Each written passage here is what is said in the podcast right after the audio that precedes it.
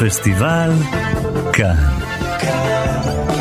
עם דני מוג'ה ויונתן גת.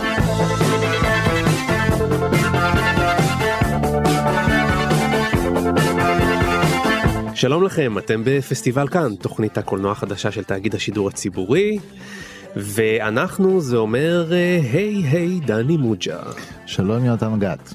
ראש המחלקה לקולנוע בבית ברל. נכון. מה אני עושה פה ומה אתה עושה פה? מה שנינו? אנחנו נפגשים אחת לשבוע ומדברים על סרט אה, יצירת מופת, סרט חשוב, סרט משפיע, סרט מצליח.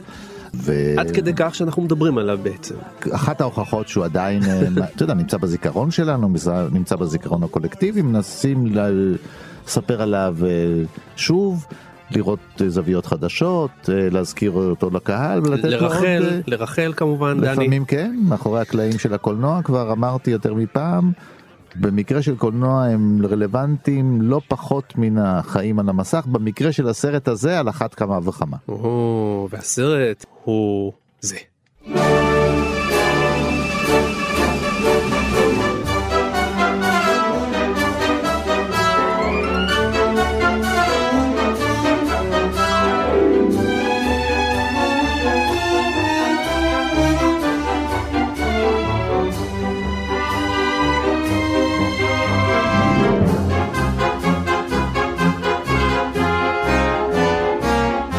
טוב, שמענו עכשיו את המוסיקה המופלאה מתוך הסרט אה, שמונה וחצי של פדריקו פליני, מוסיקה של נינו רוטה, אנחנו נדבר גם עליה. זה השלב שיש לך משימה מאוד כבדה, דני, וזה לספר את תקציר הסרט. אתה מסוגל לעשות את זה בדקה? זה, זה יותר פשוט ממה שחושבים. בבקשה, נראה אותך. זה בעצם סיפור של uh, uh, במאי קולנוע במשבר, עד כדי כך שהוא נמצא באיזשהו בית הבראה. הוא במהלך התקופה הזאת שהוא בבית הבראה הוא פוגש כמובן את המפיק המודאג ומבקר קולנוע שיש לו מה להגיד ואת אשתו ואת המאהבת אנשים שאמורים לעזור לו לסיים את הסרט הזה או להתחיל אותו ואנשים אחרים שמפריעים לו במהלך היצירה הוא נמצא במשבר הוא בורח או נרדף אה, על ידי זיכרונות חלומות זיכרונות, חלומות זה סיוטים זיכרונות ילדות דמיונות. ובסופו של דבר איכשהו מצליח ברגע האחרון של הסרט לפחות לאסוף את עצמו ולהגיד אקשן ולביים את הסרט. איזה סרט בדיוק אנחנו לא בטוחים אולי את הסרט שעכשיו ראינו. תראה כמה זה מעניין שזה סרט שאין שום יכולת לספוילר. אתה יכול לספר אותו כמה וכמה פעמים אתה לא יכול לקלקל אותו בלספר אותו חייבים לראות אותו בשביל להבין. אבל תגיד אנחנו תמיד שואלים למה אנחנו מדברים על הסרט הזה דווקא נראה לי שהפעם שאלה כמעט מיותרת אני חושב שגם אני וגם אתה חושבים שזה אולי הסרט. נכון זאת אומרת בוא נגיד אם היית שם לי אקדח על הרקה והיית מאלץ אותי להגיד מהו הסרט האהוב עליי ביותר אז כמובן שיש לפחות רשימת 100 סרטים כאלה. אני חושב שזה לא ספק הסרט האהוב עליי בכל הזמנים. אני דווקא לא אנקוט בנימה אישית אני אומר שהסרט הזה סייע למקם את הקולנוע על המדף של האומנות. נכון. לא רק בידור נכון? זאת אומרת הקולנוע כבר לא רק בידור. ממש לא. היה לו מאבק לקולנוע לא תמיד התקבל והסרט הזה הוא בפירוש יצירה שמיקמה את הקולנוע במקום מכובד זאת אחת היצירות יצירות האומנות החשובות כן. של המאה ה-20 mm-hmm. קולנוע אמנות ציור ואם בעוד אלף שנה המאה ה-20 תהיה מצומצמת באיזה ספרי היסטוריה להערה אחת אה, על האומנות שלה אני חושב שהסרט הזה יהיה אחת היצירות שיזכרו זאת יצירה מתוחכמת אה, חכמה אבל היא כל כך יפה ש... היא לא נחלת אה, בודדים, רבים רבים רבים ראו אותה ורואים אותה עד היום. עד היום? אה, ליאור אלפנט חוקרת הקולנוע שלנו הצעירה מבין כולנו פה אה, עד היום עד היום. עדיין שנה זה הרבה עדיין עדיין ממש עד היום ממש אני ראיתי את זה פעם שלישית בשביל התוכנית הזאת וזה לעשות פליי לסרט הזה זה מרגש כמו לראות בן אדם שלא ראית מלא מלא זמן ואתה נורא אוהב. כאילו רק הפריים הראשון שזה מתחיל ו- וכבר העיניים שלך נפתחות כזה ופשוט זה מרגש מההתחלה ועד הסוף כל הדברים שאמרתם ועוד באמת זה פשוט לראות את הסרט הזה זאת חוויה שהיא הכי קרובה לרוחנית זה פרפורים של התאהבות, זה, מת, מת, זה סרט שאני מתאהבת בו כל פעם מחדש. אני רוצה לספר לכם על המפגש הראשון שלי עם שמונה וחצי. אני חושב שאני בן 15 או 16, אימא שלי מביאה קלטת VHS, זוכרים שהיה דבר כזה פעם? והיא הביאה במיוחד את הקלטת הזאת, כי לפני הסרט יושב מבקר קולנוע בשם נחמן אינגבר, ומסביר לנו מה אנחנו הולכים לראות. ואימא שלי אומרת, חשוב להקשיב לנחמן אינגבר. ואני לא אשכח משפט אחד מאוד ספציפי שהוא אמר שם, רבותיי, שמונה וחצי הוא לא סרט כבד. ויושב כאן איתנו נחמן אינגבר בעצמו. שלום לך נחמן. שלום גם לכם. אז אני רוצה שתסביר לנו, אולי תיתן לנו את המפתח שלך להבנת הסרט. אני לא בטוח שאני יכול לתת את המפתח להבנת הסרט, אבל אני מאוד מתחבר למה שאמרתי אז, אני חושב שהייתי משתמש ב... היום בביטויים יותר פוזיטיביים מאשר הביטוי הנגטיבי, זה לא כבד. כן. לא רק שזה לא כבד, זה בכיף. קודם כל זה כמעט ש... לא, למה כמעט שעתיים? זה קצת מעל שעתיים. נכון, שעתיים ורבע, כן. אבל בכיף, אתה מעביר אותם בחברת אדם שאתה מודה לאלוהים שהייתה לך הזכות לשבת איתו שעתיים וכמעט ורבע, מכיוון שאולי אני אתחיל באיזושהי אנקדוטה. אמרת שמותר גם להביא רכילות, כן? אה, שקשורה עם רצוי. הסרט הזה, כן. אה, אה, אחד המפגשים הראשונים של הסרט הזה היה עם קהל במוסקבה. מוסקבה 1960, אם אני לא טועה, ושלוש. אה, מוסקבה הייתה אז תחת שלטון קומוניסטי נוקשה, שלא סתם דיכא את האומנות, אלא דיכא בעיקר את האומנות המודרנית. והסרט הזה בעיניי הוא הסרט, אחד הסרטים שמבשרים את כניסת הולדתה, המודרניזם לקולנוע. הולדתה של האומנות המודרנית. וג'ויס היה אסור בספרות, וכל סרט שניסה, או יצירת אומנות שניסתה להציג אה, דרכים חדשות לעיצוב המציאות, לא התקבלה משום שהייתה שם דת מטעם סטלין ויורשיו, שאנחנו עובדים רק על ריאליזם. ולכן פליני היה צריך להסביר לקהל הסובייטי, המתוחכם, עתיר הידע באומנות שבא לראות את היצירה של המאסטרו. ואז הוא הביא את הדימוי הבא, תארו לעצמכם, הוא אמר לקהל, שאתה יושב בבר ושותה, ומתעסק בעניינים שלך, תופס אותך שיכור, תופס אותך בצווארון החולצה שלך, ומכריח אותך לשמוע את הלהג שלו במשך שעתיים, הוא מדבר, הוא מדבר ולא נותן לך לברוח. ובצורה כזאת הוא הסביר לקהל מה זה זרם תודעה. כי הטכניקה המודרנית שבה הוא משתמש בסרט הזה היא לקוחה כמובן מהספרות, פרוסט ואחר כך ג'ויס, וזה זרם התודעה. רק נסביר למאזיננו שזרם התודעה הכו- הכוונה היא שזה לאו דווקא אה, סיפור אה, שהוא קוהרנטי, הוא נכון? לא מסופר בסדר הנכון. בסדר ליניארי. כן. כלומר ההבדל בין סיפור קלאסי ובין זרם התודעה הוא שזרם התודעה מתרחש כאילו בתוך התודעה שלך. כמו שאתה הסברת בהתחלה זה כולל סיוטים, חלומות, זיכרונות, אה, פחדים, אה, דברים שקורים באמת, דברים שאתה מדמיין אותך, והכל מעורבב, כי זה בתודעה ככה. תחשבו את הסיטואציה שבה אתה חולם, אתה משתמש באירועים שקרו. או אתה מדמיין אותם ואתה מערבב את הכל. והקהל רואה, כאילו במוסקבה ודאי, לראשונה בחייו אה, סרט כזה, והאיש שתופס אותך בחולצה ולא נותן לך לברוח, פשוט מרתק אותך, מרתק אותך בגלל האישיות שלו. בגלל היכולת שלו לספר סיפורים, לא סיפור, סיפורים. בגלל היכולת שלו לבנות דמויות שתענוג לך להיות איתם במשך uh, הזמן שהסרט לוקח. בגלל האנושיות שלו. בגלל הדמיון בין הבעיות שמציקות לו והבעיות שמציקות לך. בגלל שאתה מזדהה עם כל דבר שקורה לו, ואתה אומר לעצמך, גם לי זה קרה, רק שהוא יודע לספר על זה פי אלף יותר טוב. כן? וכתוצאה מכך הסרט הוא בעיניי מבוא נפלא לאומנות מודרנית, כי הוא לא, אומנות מודרנית לעיתים קרובות נתפסת כמעיקה, וזה לא רק שלא מעיק, אלא כמו שאמרתי זורם בכיף, תענוג.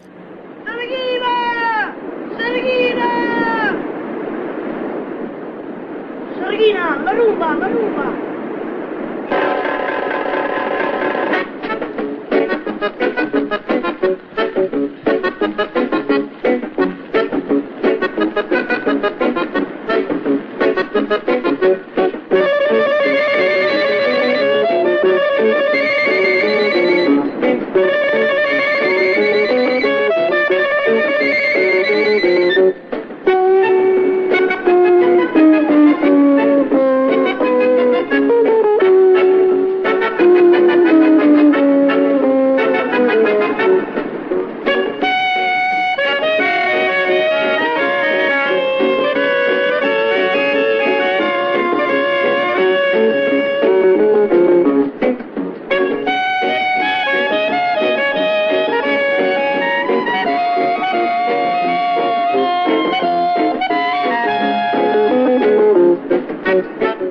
בשמונה וחצי, זו הפעם הראשונה שהוא מכניס זרם תודעה, ומאז הוא יעבוד בשיטה רק- הזאת, לא רק על ידי כך שהוא בנה את זרם התודעה שלו, ומיד אחרי זה את זרם התודעה של אישה, ולא סתם אישה, אלא אשתו. אשתו האוהבת, מותר רכילות? בטח. שמתה חודש לאחר מותו. שלו. כן. זאת אומרת, סיפור רומאו ויוליה מהיפים ביותר שאנחנו מכירים, רק שהפעם הוא קורה במציאות. היא לא יכולה לחיות יותר מחודש בלעדיו. זה דבר מזעזע, לא? אבל נפלא, כן. אז הוא מתאר את זרם התודעה הנשי, דרך דמות שנקראת ג'וליאטה, ג'וליאטה מסינה. כל נגיע לזה. הזמן אשתו. אני חשבתי שהדבר הנפלא ובאמת הפריצת דרך כמו שאתה מדבר על, אה, אה, על שמונה וחצי היא בזה שפליני אומר שהסיפור הליניארי שמתחיל ואחר כך אה, מתפתל ויש בעיה ואחר כך פתרון זה לא החיים. החיים הם רצף של מחשבות, קטועות, חלומות, חלום בהקיץ, פלשבקים, תהיות, כל מיני הפרעות, כל מיני רעשים. אלה הם החיים האמיתיים. ולכן כשאנחנו רואים את שמונה וחצי, אנחנו חווים חוויית חיים כמו שהיא באמת קורית לנו, זה, זה לדעתי כל היופי של הסרט הזה. ואיך הוא גורם לנו בכל זאת להישאר איתו בקו העלילה, שהוא כאילו מפותל ומזוגזג. הוא מצליח לתרגם את הבליל הזה ליופי קולנועי. תראה, הוא גם, הוא לא מודאג מלארגן את הזרם הזה, למשל, אה, בצורה כזאת שמיד תבין כל רגע מה, למשל, הסרט מתחיל בחלום. כן. והיקיצה מן החלום היא לא באופן הקלאסי בקולנוע עם איזשהו קלוז-אפ של בן אדם פוקח את עיניו. הסצנה הראשונה, כזה, הסצנה כן. הראשונה נראית הזויה פחות או יותר כמו כמו אה, אה, החלום להפך שני השוטים האחרונים של החלום נראים מאוד קונקרטיים אז אז קודם כל הוא אומר הרצף הזה הוא, הוא אתה לא יודע מאיפה אתה מתחיל את הסיפור נכון. גם כמו כשאתה חולם. אני רוצה להוסיף עוד שני דברים זה ש... אה, המשיכה שלו אל אה, הבידור, אל הגרוטסקי, אל ה... היא גם נמצאת בקריירה שלו והוא הותקף לא פעם על שהוא חסר טעם והוא גס רוח וכולי וכולי, אבל גם בסרט עצמו, אה, האופן שבו הוא נרתע, הדמות שמייצגת אותו, הבמאי הזה, יכול להיות שזה הוא, כן? יש כן. רמזים יותר מאחד. הוא טוען שלא, לא קוראים כן. לו פדריקו, אבל כן. קוראים לו גווידו. בטוח אה, משוחק על ידי מי שנהיה גם חבר טוב שלו. ברגע שזה מסטרויאני לא יעזור לו, זה הוא. כן. הוא רואה את עצמו כמו מסטרויאני, כן. אחד הגברים הכי אינטליגנטים ויפים עלי אדמות. וגם שם יש, הוא מוטרד על ידי דווקא הביקורת הרצינית, כבדת הראש, ו, והוא נמשך אל... אל, אל לא אל, רק ש- אה, דני, לא רק שהוא מוטרד ממנה, הוא מכניס אותה בסרט בדמותו של האינטלקטואל, שכל הזמן מבקר אותו. מאידך אבל, הוא רוצה שניקח אותו ברצינות. לפחות, לא את היצירה שלו, אבל את הפחדים שלו, והמועקה של אדם שנמצא, של אומן שנמצא ברגע של משבר יצירתי ולא יכול להוציא מעצמו כי לקראת סוף הסרט הדמות הזאת נכון הוא מתנהג כמו תינוק הוא מתחבא מתחת לשולחן במסיבת עיתונאים ובורח מעיתונאים כאילו הוא עושה את מה שכולם רוצים לברוח מה, מאימת הקהל אבל הוא גם שוקל לשים קץ לחייו. כן. זאת אומרת, זה לא בדיחה, האומן המתפנק הזה. עבור האומן זה רגע דרמטי והוא מצליח להיחלץ ממנו בגלל אה, שיש עוד סיבות טובות טובות לחיות וליצור. והסרט הזה חושף בפנינו כאילו נפתח המסך בפעם הראשונה ואנחנו רואים את עולמו של פליני. העולם עם הדמויות. אני זוכר את הפן הנפלא הזה מימין לשמאל כשהוא מגיע אל מקום ההבראה הזה ששם יש את המעיינות של מי המרפא. פן של מצלמה מימין לשמאל ואנחנו רואים את כל הנשים. את הזקנה שמחייכת והגבירה שמנפנפת במניפה והאישה השמנה הגדולה ושתי הילדות הקטנות וכולם מסתכלים עליו כמו איזה תינוק שכל העולם מסתכל עליו מכל הכיוונים ואנחנו ממשיכים אל החלום אל תוך המע- המעיינות כשהוא בטוח שאיזשהו מלאך בחורה מלאכית מגישה לו את המים ואז נפסק רגע החלום בלי שאף אחד מסביר לנו ואנחנו רואים שזה איזושהי אחות נרגזת שאומרת לו נו קח קח כבר את השתייה שלך. רק דילגת, הוא מעלה את המשקפיים, מעלה את המשקפיים. ומוריד את המשקפיים. נכון, נכון. כלומר, יש איזה סימן חיצוני שאומר מתי אתה עובר ממציאות לחלום. אבל יתר אבל- הסרט הוא לא כזה ברור לא, לא, בין לא. חלום למציאות. כל הרעיון הוא, ואתה דיברת על זה יונתן, הרעיון שהוא אה, אה, מנסה לשחזר את הכאוטיות של העולם, עולם כאוטי. מה עושה הספרות? הספרות עושה סדר בתוך העולם, הכל רציונלי, הכל מנומק, הכל מקבל את ההסבר שלו, זה כבר לא העולם, אתה חווה את העולם כמקום שאתה לא תמיד מסתדר איתו. וכאן נכנס זרם התודעה, זרם התודעה אה, מבלבל לך, כן, גורם לך לא לדעת באיזה מצב תודעה אתה נמצא ברגע מסוים. ומה שנפלא בחלום שפותח את הסרט, זה שזה מתחיל בפקק תנועה. כן. ופקק התנועה הוא נורא ריאליסטי, אתה אומר זה פקק תנועה ברומא, מה לא היית ברומא? אתה לא יודע שרומא מלאה פקקי תנועה? פקק תנועה ברומא. לאט לאט אתה מבחין שזה מצולם בסגנון אקספרסיוניסטי, כלומר השחור שחור מדי והלבן לבן מדי. ג'אני דיבננזו הצלם הגדול מכולם של שחור לבן. כן. ואז אתה אומר לעצמך, אקספרסיוניזם מיועד לחלום בדרך כלל. וודי אלן, כשהוא עושה חלומות, עושה אותם בסגנון אקס- אקספרסיוניסטי. אז אתה שואל את עצמך, מה זה? הרי זה מציאות. לאט לאט התמונה נעשית גרוטסקית, גרוטסקית, הדמויות מתנהגות בצורה שאתה אומר, במציאות אני לא, בתל אביב לא ראיתי אנשים מתנהגים ככה.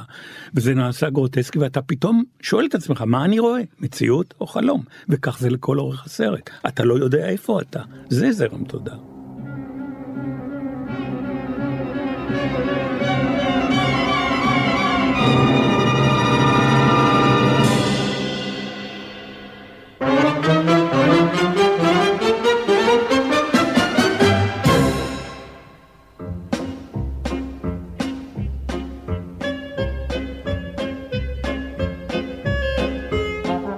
אני חושבת שמה שיפה גם בזרם התודעה הזה, ספציפית, ספציפית בסרט הזה, שהוא הבן אדם שכביכול זאת התודעה שלו, אבל התודעה שלו כבמאי, כשחקן, כמרצ'לו מסטרויאני, כפטריגו פליני, ושלנו כצופים, להבין שכל הדברים האלה שקורים לו בתודעה, יש להם קשר בלתי נפרד עם העובדה שהוא עכשיו תקוע, והוא לא מצליח לעשות את מה שהוא רוצה לעשות, והוא צריך לשחרר. הרי כל הרעיון, מה, מה כל הרעיון הזה? למה הוא מתחיל בפקק תנועה? כי מה, כל הסימבוליות של הפקק וזה שאתה תקוע והוא לא נושם שם בתוך הזה, כן. ואז הוא עף בשמיים. הבן אדם הזה צריך, חייב לשחרר. והשימוש של הזרם התודעה הזו זה גם אפשרות לשחרור קולנועי, והוא מצליח לעשות את זה בדרך שגם אנחנו כצופים מצליחים ליצור יחד עם גוידו את הסרט שלו. פעם זה בהצהרה. הוא הפעם הוא מצהיר. אומר רבותיי, אתם רוצים ליהנות מהסרט שלי? אז אתם תיכנסו לעולם שלי. והוא גם קורא לסרט הזה בשם שמדבר רק אל עצמו בעצם, שמונה וחצי. למה הוא קורא לסרט שמונה וחצי? מכיוון שהוא, זה הש- הסרט השמונה וחצי שלו. הוא עשה שבעה סרטים אה, פיצ'רים. עשה עוד שני סרטים קצרים, הוא מחשיב אותם כמחצית סרט ביחד, וזה השמונה וחצי. זאת אומרת, מה שמדהים אבל בסיפור הזה, זה שלמרות שהוא עוסק בעצמו, בסרט על עצמו כאדם שרוצה ליצור סרט.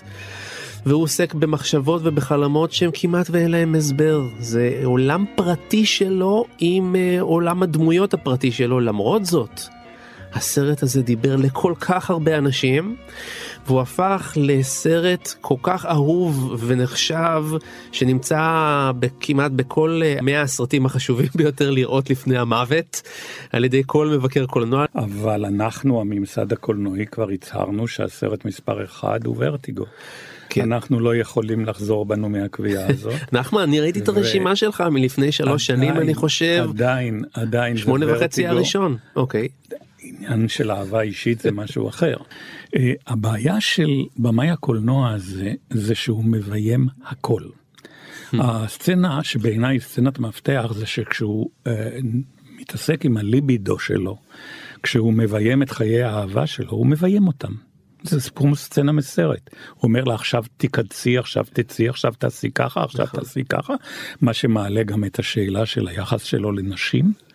ואת השאלה המצ'ואיסטית, לא הכל יפה, לא הכל טהור, לא הכל מעודכן בעולם של פליני, בוודאי, וגם, בוודאי. וגם על זה הסרט, כן? אבל הוא מביים, לאט לאט אתה מבין שהוא מביים את פקק התנועה, שזה מבוים, אתה מבין שהוא מביים את הפגישה שלו עם האפיפיור שם למטה למטה, במעמקי הגיהינום, אם תרצה, של דנטה כמעט אפשר להגיד, ואתה מבין שהוא מביים הכל. דבר אחד הוא לא יכול לביים, את אשתו. אשתו לא מתביימת, נאמר את זה כך. אשתו מציגה לו אתגר. אני מחוץ לעולם שאותו אתה מביים. וחוסר היכולת שלו לביים סרט הוא בדיוק כאן. הוא נתקל במציאות שהוא לא יכול לביים אותו. אשתו היא סובייקט, היא לא אובייקט לבימוי שלו. למרות שאשתו האמיתית אכן בוימה ובוימה ובוימה הרבה מאוד פעמים בסרטיו. אשתו האמיתית ג'וליאטה היא מסינה. הקטינה את עצמה והקטינה את עצמה בחברת הגאון הזה. כן. כדי לתת לו את מרחב המחיה שלו. ואני חושב שהיא האישה שהכי צריך להעריך אותה בעולם, אם כי לא בתפיסה של הפמיניזם המודרני, כי היא מחקה את עצמה. היא נתנה את עצמה רק לתוך הדמיונות שלו. אבל אני רוצה לחזור לעניין כן, הזה. כן. זאת אומרת, ברגע שהוא נתקל בסובייקט, הוא הכיר רק סובייקט אחד. זה התינוק שמביים את איך שהנשים דואגות לו. ומספקות את כל צרכיו. ופתאום יש אישה שאומרת, אני מישהו כמוך, סובייקט, והוא צריך להתמודד עם זה. ועד שהוא לא יתמודד עם זה, עם זה, הוא לא ידע לצאת מתוך הלימבו שבתוכו הוא נמצא. ולכן אם תשים לב, בסופו של דבר כשהוא מביים, הוא מביים בעיניים של הילד. הילד, הסצנה האחרונה של הסרט, הילד עם המוזיקה הקרקסית, הזכרת את נינו רוטה, נינו רוטה וקרקס הולכים תמיד ביחד, וקרקס בעולמו של פליני זה אחד הדברים, המטאפורות הכי חזקות. כן, תמיד הגדירו אותו כ-lion tamer. בדיוק, מאלף האריות. הילד הקטן, כן, מביים את הסצנה שבה אנשים עולים לחללית שתיקח אותם לא יודע לאן, כן, לסוג של עולם אחר. אבל אני חושבת שזה בגלל גם, גם, בגלל מה שאתה אומר וגם בגלל שאחד ה, אחד הקונפליקטים המאוד גדולים שיש בסרט והוא מאוד מאוד ברור זה בין הרגש לבין מה שהאומנות והגבולות האינטלקטואליים והדרך שבה צריך לדבר והדרך שבה צריך לעשות דברים לבין הרגש הרי באחת הסצנות האחרונות היא מדבר, היא, הוא לוקח אותה למעיינות ומדברת איתו באוטו והיא מסבירה לו שהוא צריך להרגיש. וכל בגלל זה גם הוא הילד שם בסוף הסרט מתחיל לעבוד כשהוא מתחיל להבין שלעשות סרטים זה להרגיש. זה, זה צריך להרגיש את האהבה הזאת, כמו שאנחנו מרגישים כשאנחנו רואים את הסרט. ועד שהוא לא משתחרר מהגבולות של המבקר האינטלקטואל שאומר את כל הדברים שתמיד מבקרי קולנוע אומרים וכל מיני אקדמאים וכל מיני זה שנותנים לו הוראות והאיש הדת שנותן לו הוראות על דת והוא נותן לו הוראות מפה והוא נותן לו גבולות מכאן והוא וכל המקומות האלה והוא לא מצליח לשחק בתוך זה. כי הוא סליחה יותר נכון הוא מצליח לשחק בתוך זה אבל הוא לא מצליח לעשות את מה שהוא רוצה בתוך זה. כן. וברגע שהוא מבין, והיא, והוא מבין בעזרת האישה, בגלל זה בעיניי בשמונה וחצי יש רגעים פמיניסטיים מדהימים, שאולי היחס לנשים של פליני באופן כללי אפשר לדבר עליו, אבל בסרט הזה ספציפית, זה, יש רגעים שבהם היא מסבירה לו, כמו שבאמת אשתו בסרט מסבירה לו שהיא סובייקט, הם מסבירים לו מה לעשות, ובזכות הנשים האלה הוא גם משתחרר.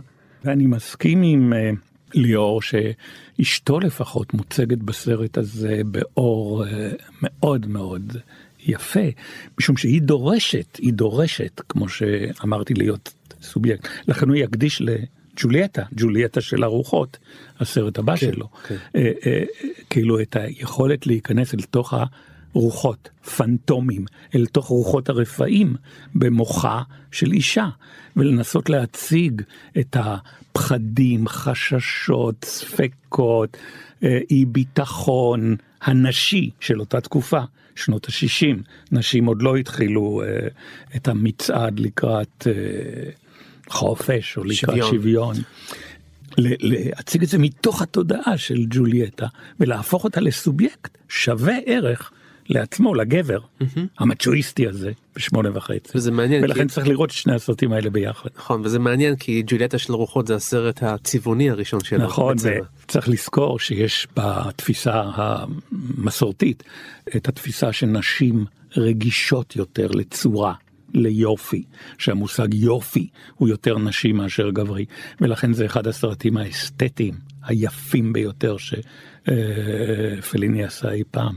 איזו צבעוניות. אתה מתכוון לג'וליאטה של הרוחות. ג'וליאטה של הרוחות כמובן, איזה צבעוניות, איזה עבודה על העיצוב, איזה יכולת לבנות שם עולם אלטרנטיבי, העולם של הפחדים שלה, העולם של החששות שלה, בצורה קולנועית חסרת תקדים.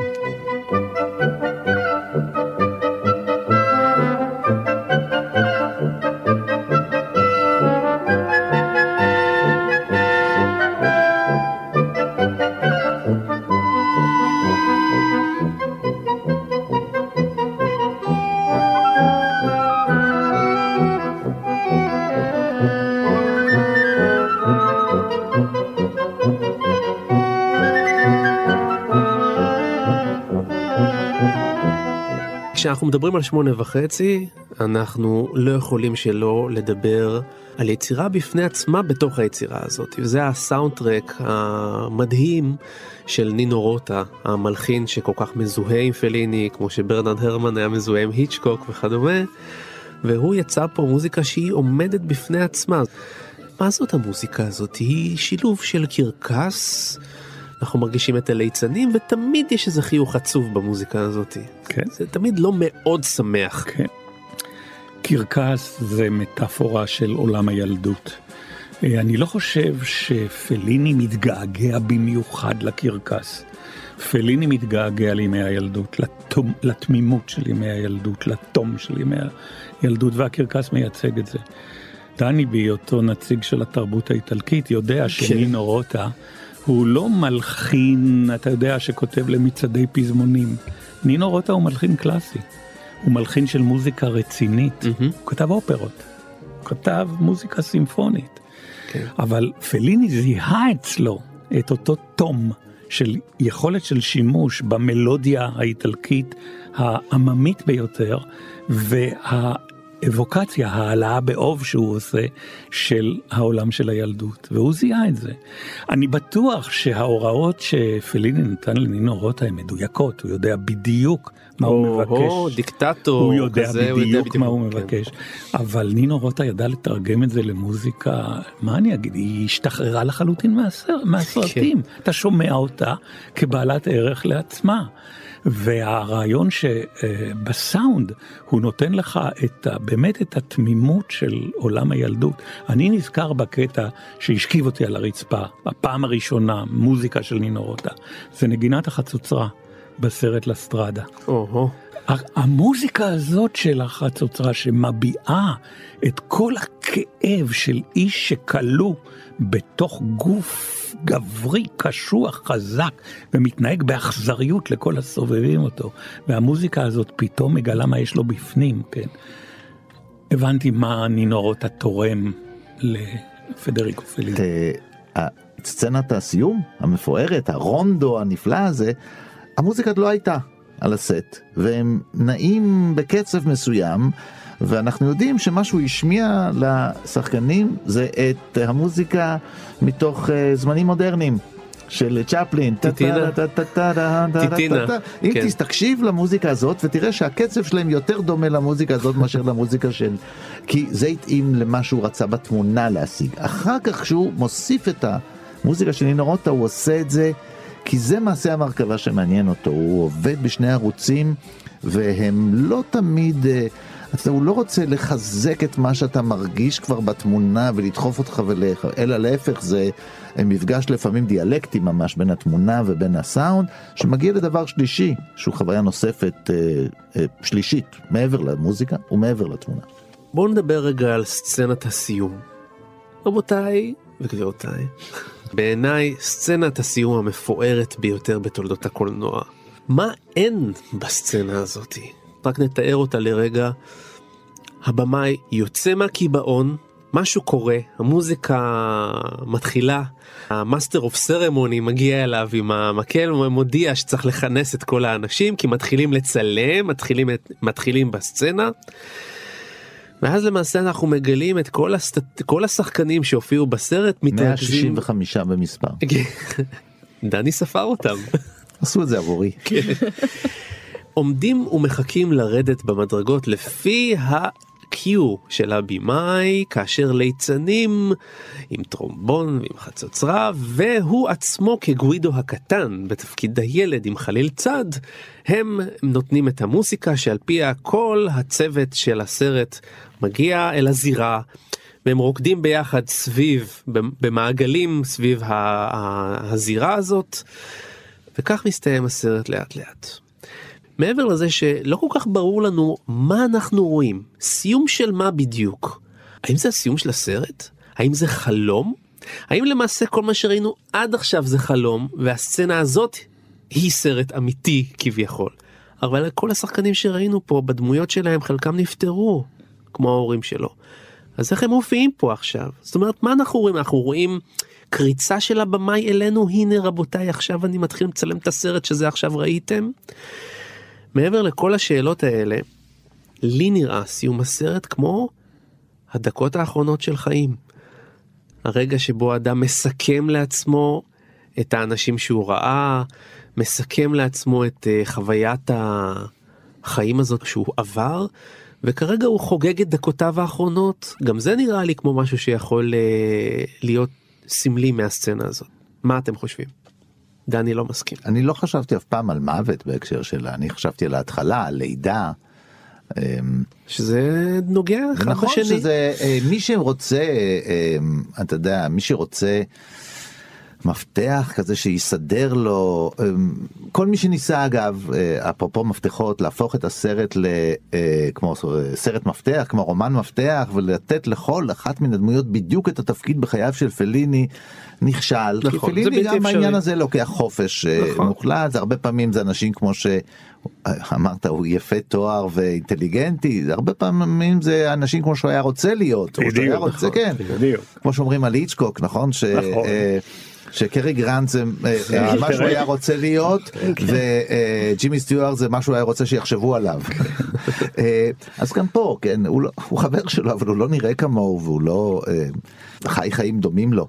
אבל הדמויות האלה שנאספות שם הם אה, באמת באות מכל מיני מישורים ולנסות לתת אה, אה, למקם את הסרט הזה ולהגיד אה, את הרגע הזה ולהגיד אוקיי זה בעצם ההתחלה של הסרט ואז כל הדמויות הם בעצם האנשים שאכלסו אחר כך את ה... לא, אני אדייק זה את לא- עצמי, אני, חו- אני חושב שהסצנה הזאת היא לא בהכרח מובנת, זה פשוט חלק מתחושה. ה- היופי שהסצנה הזאת היא גורמת למגוון של תחושות, ובאמת קשה לפרש אותה, כמו שאמרתי מקודם, יש לה כל כך הרבה פנים.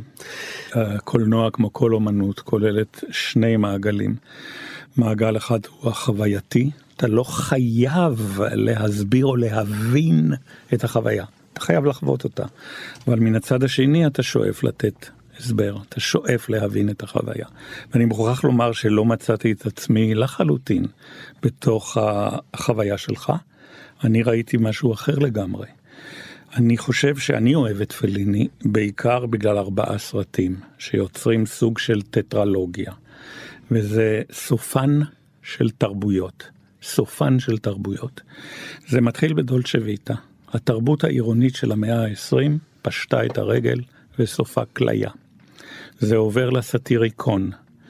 התרבות הרומאית פשטה את הרגל וסופה כליה. זה עובר לקזנובה, התרבות הקלאסית של המאה ה-18 פשטה את הרגל וסופה כליה. וזה עובר לאחד הסרטים שאני הכי אוהב אצל פליני, שנקרא והספינה שטה, שבו הוא מראה איך התרבות של המאה ה-19 אה, עוברת כליה לקראת תחילת מלחמת העולם הראשונה, שסותמת את הגולל על תרבות המאה ה-19. ראיתי את זה גם בשמונה וחצי. אני הבנתי שהסרט שיש לו בראש ואותו הוא לא מצליח לכתוב, ושהוא יוצר לו את מש... משבר היצירה, הוא הרעיון שהציוויליזציה המודרנית הגיעה אל סופה, ואנשים חייבים להגר אל החלל החיצון. ולכן הוא בנה תפאורת ענק כזאת של מדע בדיוני. אתה זוכר את המגדלים האלה, את כל אותם דברים, כן. תפאורה שעומדת שם מתה. ובסופו של דבר, הוא באמת מגיע למצב שבו הציוויליזציה מגיעה אל סופה, והסצנה הראשונה שאותה הוא מביים, זה האנשים שעולים לחללית כדי לנסוע אל החלל החיצון. אבל אז הוא מבין שזה לא הכוונה וזה לא הכיוון שאליו הסרט הולך. הסרט הולך למעבר הזה שבו אדם מלא מורכבות, בסופו של דבר מוצא את האינטגריטי שלו בתמימות ובשלמות של ילד. הרעיון של ונער קטן נוהג. בם. הרעיון של הילד שמסדר אותם במעגלים, שנותן להם את האפשרות לנוע לצלילי מוזיקה של קרקס. לא של זמנים מודרניים, כי המוזיקה הזאת דומה מאוד לקרקס, המוזיקה הזאת של צ'פלין, אלא המוזיקה של נינו רוטה. והרעיון שבסופו של דבר אתה יכול לפתור את כל הבעיות על ידי איזושהי חזרה על ה... התמימות והשלמות הזאת של ילד, היא זו שמסיימת את הסרט, חזרה אל הרגש, חזרה אל האינטואיציה, חזרה על החלטות שבאות מהבטן ולא מהמוח, ככה אני הבנתי. אני מאוד עם, עם משהו באמת בתוך שניכם, של דני ושל נחמן, שזאת לידה, אבל זאת לידה בגלל שזאת הלידה של הרגש, זה המקום הזה. כאילו זה ממש שום דבר של מוות לא הרגשתי שם. אני חווה את זה כסגירת מעגל. גם לא אפילו סגירת מעגל בעיניי, במיוחד כי הסרט לא מעגלי, אז אין מה לסגור, כאילו אין פה איזה מעגל שצריך להיסגר או משהו שהתחלנו ועכשיו זה הסוף. כל סוף שעה הוא התחלה של משהו אחר ולא רואה את זה ככה אלא באמת החזרה אל תוך הלידה ואל תוך הרגש ולתוך המקום הזה שבאמת אין כבר מה לעשות חוץ מלסגור את המסך וללכת הביתה. כי איך, איך נמשיך אחר כך אני לא יודעת, כל אחד יחליט לעצמו בבית, או בקולנוע, לכן, או ב... לכן אני רואה בזה כמוות, המסך באמת נסגר בסוף. האור נחבא. אבל זאתי דעתי כמובן. בואו נדבר רגע על השם של הסרט, אנחנו הזכרנו את שמונה וחצי, אתם יודעים שבמקור השם היה לבלה קונפוזיון. התוהו ובוהו היפה. הבלבול היפה. כן, כן, הפלפול הנאה, בהחלט. תראה, אפשר לראות uh, את פליני, עכשיו אני כן אחבר אותו רגע ממש ביוגרפית. Uh, כמו שהבמאי נמצא בבית מרפא, זאת אומרת הוא נמצא בתקופת ביניים, היה לרגע בין מה שהוא עשה עד עכשיו למה שהוא יצטרך לעשות אחר כך. כך גם פליני, פליני היה במין תקופת ביניים כזאת. וחצי מעיד על זה שאתה נמצא בין השמונה לתשע. דני אתה זוכר שהעיבוד המוזיקלי נקרא תשע. כן. נכון.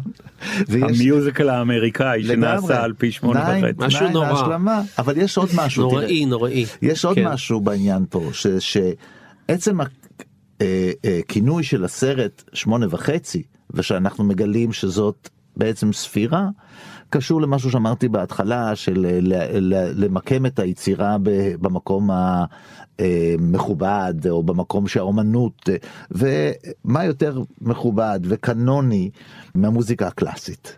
ואת המוזיקה הקלאסית אין לנו שום בעיה לקרוא לזה מספר אחת ומספר שתיים ומספר שלוש. התשיעית של בטהובן. קדמו, ל, קדמו ל, ל, לפליני אה, אנשים שרצו באמת כבר מלכתחילה אנחנו מכירים את האנס ריכטר שקרא לזה ריתמוס 21 וריתמוס 23. אבל אף, אחד, אבל אף אחד מהם לא קרא לזה ריתמוס 21 וחצי.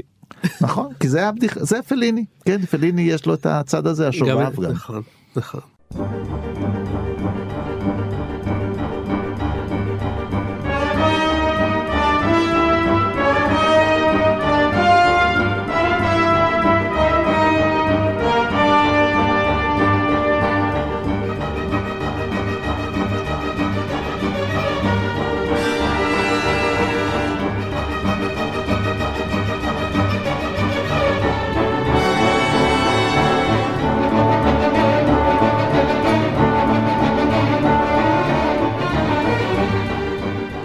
חברים אנחנו מגיעים לסיום ואם הגענו עד לכאן אז אולי נמליץ לכם על עוד כמה אה, סרטים שקשורים לעולמו של פליני ופליני עצמו. אני אמליץ לכם על סרט שהזכרנו כבר, זיכרונות.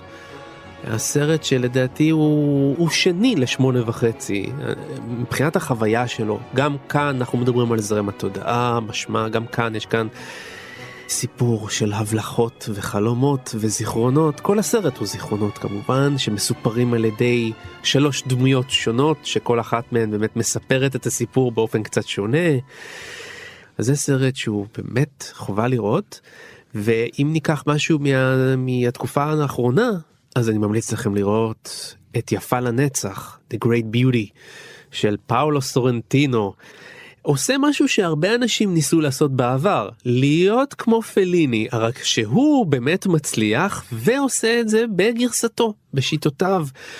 אה, מחזיק את הפריים מאוד חזק, הפריימים שלו מאוד אסתטיים, גם כן מוזיקה נפלאה, גם כן סרט שהולך מזיכרון אחד לשני. ובסוף אנחנו מרגישים שחווינו חוויית חלום שלמה. בסופו של דבר, אחרי כל ההבלחות האלה, אנחנו עדיין מרגישים שראינו משהו שלם. נחמן, מה תמליץ לנו? אני אתחיל uh, בכך שהייתי רוצה שהמאזינים לנו יראו כל סרט וסרט של פליני. כן. כי כל אחד הוא חוויה בפני עצמה. 24 במספר נכון, כמה... אבל אם uh, לבחור אז אני חוזר לארבעת הסרטים שהם הרעיון של מותן של ציוויליזציות. אני אזכיר אותם בפעם הנוספת, דולצ'ה ויטה, סאטיריקון, קזנובה והספינה שטה. הייתי מאוד מאוד ממליץ על סרטים שהם לא כל כך מספרים סיפור, אלא סוג של מסות, מסה על, דיון על. האחד הליצנים שעוסק בקרקס, mm-hmm. והשני זה אה, אה, סרט שנקרא חזרת התזמורת, שהוא ניסיון לעסוק בכאוס הפוליטי ששרר באיטליה בשנות ה-70. ואני חושב שאני מצטרף כמובן להמלצה שלך שהסרט המהנה ביותר של פליני אחרי שמונה וחצי הוא באמת אה, זיכרונות, אמר קורד. ואסיים בהשפעותיו של אה, שמונה וחצי על הקולנוע בכלל. אתה הזכרת את אה, פאולו סורנטינו, שכמובן אני מצטרף להמלצה, אבל איך אפשר לשכוח את בוב פוסי הענק.